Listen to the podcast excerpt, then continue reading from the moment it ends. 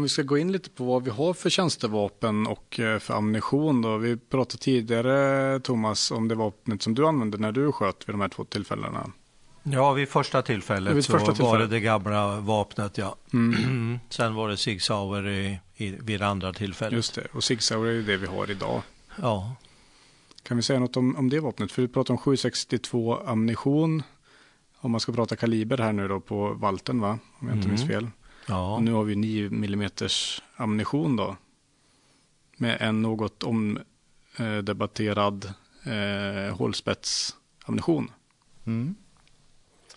Om jag får eh, börja och så eh, får väl Jens komplettera sen så den här första, det första tjänstevapnet som, som jag hade, det var ju alltså en helmantlad, alltså det betyder att man har en, en eh, koppar eller mässings eh, eh, hylsa eller ja, eh, själva kulan är överdragen utav eh, koppar eller mässing, ganska, ganska hårt material och sen är det bly inuti. Och eh, det kallas ju för helmantlat och det eh, fungerar ju inte så bra på och ger ju inte så bra effekt eftersom det går i princip rakt igenom. Det, det blir bara ett hål. Och det är ju inte ett hål man vill ha när man står där som polis och skjuter för att någon har eh, hotat dig med kniv. Nej, framförallt vill man ju inte att kulan ska gå igenom heller också. Nej, och det är ju också eh, fara för andra. Eh, och därför så har ju den här eh, kraftigare ammunitionen som också expanderar när den träffar målet införts och den är ju omdiskuterad men alltså står man i en sån situation så eh, om man behöver skjuta då, då är det ju då av karaktären eh, jag eller, eller den jag skjuter emot. Det, det, är ju, det ska ju vara sådana situationer som där man i stort sett känner sig hotad till livet. Och då, då, då måste det ju vara så att eh, vi måste kunna krä få kräva att ett, en träff ska ge ett, eh, eh, en tydlig effekt också. Mm. Men sen är det ju naturligtvis livsfarligt med skjutvapen.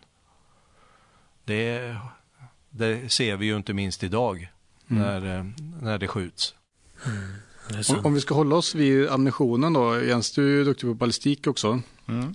Kring det här. V vad säger du om de här två olika ammunitionstyperna? Helmantlat kontra hålspets? Mm.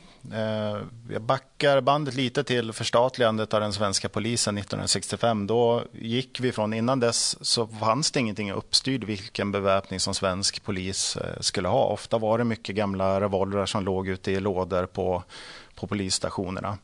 Det var först i samband med andra världskriget som svensk polis började bära vapen. Och det är också då de första embryona till den lagstiftningen som vi har idag ligger. Så skjutkungörelsen som vi pratar om som upplevs som en väldigt bökig lagstiftning, den har sin grund ifrån andra världskriget. Eh, man valde den tyska polispistolen, eh, som sagt 765 i kaliber. Och eh, den använde man fram till början av 80-talet när man såg att eh, den kalibern var lite för svag. Det blev inte tillräcklig anslagsenergi. Det är det som man mäter Eh, effekterna med. Eh, och genomskjutning var, var det ingen större risk för när vi använde valten. För det var elaka polistungor sa ju oftast att det enda man behövde göra var att ta på sig en skinnjacka så, så hade man en skottsäker väst för valten.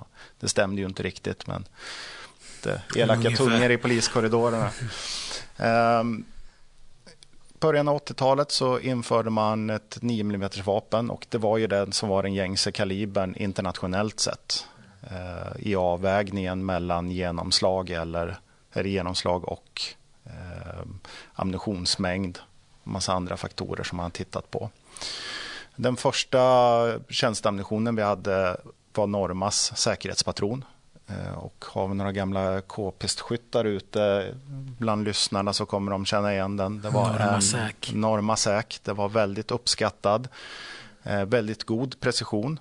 Eh, den var utformad med en tillplattad nos för att den inte skulle skapa några rikoschetter eller minska risken för det. Men jag tror att det var efter Thomas och kollegans skjutning där i Linköping så plockade man mantelfragment ifrån Norma 6 i många av byggnaderna. Så kulorna studsade omkring rätt så rejält, även att de var gjorda för att inte göra det. Mm. Men framför allt så hade man en väldigt hög restenergi på kulan. Så när kulan träffade gärningsmannen, om det blev en genom, genomslag, att kulan fortsatte på andra, ändan, andra sidan, så var kraften fortfarande så pass hög hos kulan att den kunde skapa skada och till och med vara dödande. Så därför började man titta på en ny slags ammunition, en expanderande ammunition. Eh, fortfarande i 9 mm kaliber, en hålspetsammunition. Som vid träff med vätska, kroppen innehåller ju 75% vätska, så i träff med, i vätska så expanderar patronen upp, eller kulan expanderar upp från 9 mm till maximalt 12 mm om man skjuter här i, under optimala förhållanden i vattentank. Då. Och syftet med den är att bromsa upp kulans hastighet i kroppen för att lämna över mer energi.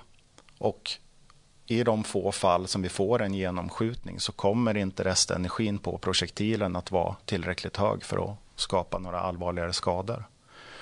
Och det ser man också i de undersökningarna som vi har gjort att det är färre genom, så kallade genomskjutningar med den nya ammunitionen. Samtidigt så är den inte mer dödande än vad den gamla patronen var om man jämför dem. Då. Och någonstans är det väl där också man behöver ifrågasätta sig att eh, om man då hamnar i en vapen är farligt, ja. Eh, polisens nya dödliga ammunition var det rubriker om, ja. Eh, kulor som är skjutna ur vapen är oftast dödliga. Mm. mm. Det, det, är precis som Thomas är inne, det är en del av själva konceptet i det. Kritikerna brukar ju också säga att det är jaktammunition vi använder. Vad säger du om det? Ja, ja jag har hört att den, eh, våra nya kula har små vingar som den fäller ut och som fräser igenom kroppen på den den träffar. Det var väldigt mycket debatter kring det där, högt och lågt, när ammunitionen infördes 2003. Och då måste vi skilja på lite saker. Att konstruktionen på kulan är av samma typ som en jaktammunition. Absolut, det är en eh, kärna för att få upp tyngden och det är en mantel, ett yttre skydd för kulan. Och de här är bondade ihop i en kemi, elektrokemisk process för att kulan inte ska splittras.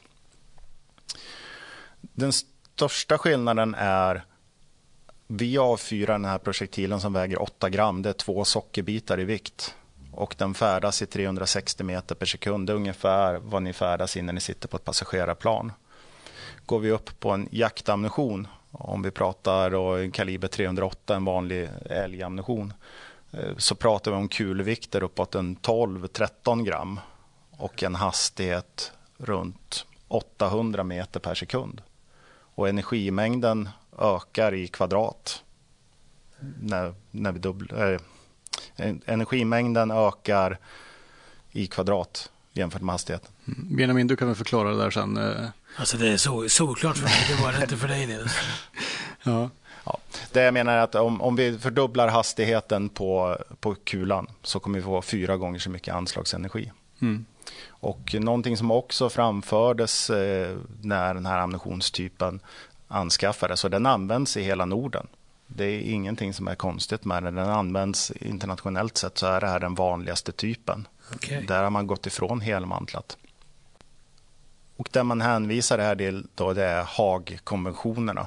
Mm. Och de grundades i slutet av 1800-talet och reglerar staters förhållande till varandra i händelse av krig. Eh, det reglerar alltså inte en stats interna angelägenheter. Och det man grundar sig på då är det uttryckliga förbudet mot ammunition och projektiler som är gjorda för att skapa en betydligt större skada än, än vad som är nödvändigt, ett onödigt lidande. Och det är inte vad den här patronen eller den här kulan är skapad för. Ja. En mycket noggrann redogörelse kan man säga. Ja, det får man säga. Ja. Du kan det här Jens. Det, Tack. Det vet vi. Men om vi ska prata om våra vapen då. Eh, vi hade Walter, vi har gått till Sig Sauer och mm. nu är vi på väg mot någonting annat va? Mm. Om jag har förstått det rätt. Nu är vi på väg mot något nytt. Det är den stora 10 000 kronors frågan bland uh, skytteintresserade poliser just nu. Och uh, ja, just nu så håller man på med en uh, upphandling och försök. Och när det är en offentlig upphandling så är det också en eh, upphandlingssekretess. Det är ett anbudsförfarande och den är belagd med sekretess. Så vi vet faktiskt inte just nu. Nej, men vi är på väg att få någonting annat. Vi är på väg att få något annat. Vårt uh, avtal med, med SIG har gått ut. Så att vi tittar på en ersättande vapen. Thomas, du som haft båda, både Walter och Sig Sauer, vad, ser, vad är skillnaden på vapnen? Vad jag, fått, vad jag fått berättat för mig så har Walter en massa spärrar som man måste... Ja, eller men, säkringar. Ja, men precis. Och eh, ja, det är ju som natt och dag skulle jag vilja säga. Jag känner mig ju och kände mig betydligt säkrare med Sig Sauer än, än med Walten. Walten hade man ju inte ens då på den tiden det förtroende för som man kan ha och, och, som man också kan kräva av ett vapen som ska kanske rädda eh, ditt eget eller någon annans liv. Mm. Eh, så att eh, det går helt, helt klart åt, åt rätt håll. Eh, det gör det. Så att eh, det, det, är en, det är en klar förbättring. Mm. Lite tillägg där när vi pratar om säkringar så pratar vi om att eh, de vapnen som vi använder nu och det vapnet som vi kommer använda har ju såklart säkringar. Men den stora skillnaden är att Valten hade en extern säkring, en av och en på-knapp. Ja. Mm. Kan man säga. Och eh, det var en händelse i Tyskland för det är säkerligen då runt en 40 år sedan. Där två polismän blev ihjälskjutna. Och när man hittade deras tjänstevapen så hade de glömt att osäkra vapnet. Så därför har trenden gått över mer mot att man har interna säkringar i vapnet. Mm. Så den, de modellerna av Sig som vi använder idag, de har tre interna säkringar. Eh, och det enda sättet att upphäva de här tre säkringarna på det är att trycka in avtryckaren. Mm. Mm. Och det innebär att det finns ju inget lås för avtryckaren som kanske var på Walter då? Nej, precis. Om man ska förklara skillnaden. Och jag tror mig veta att eh, eh, det du beskriver även har drabbat svensk polis. Att man har eh, försökt men inte lyckats avfyra sitt tjänstevapen när man har blivit dödshotad. Mm. Mm. Eh, och det måste ju kännas fruktansvärt. Eh, oh, herregud. Det måste kännas helt fruktansvärt.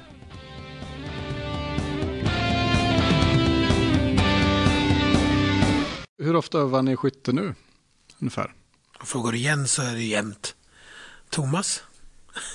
ja, jag, jag har ju hela min eh, långa karriär, jag har jobbat över 40 år och har ju känt mig väldigt motiverad att eh, öva hela tiden. Eh, jag har också tyckt att det har varit, varit roligt, dock inte lika roligt som tävlingsskytte för det är ju helt olika vapentyper. Mm.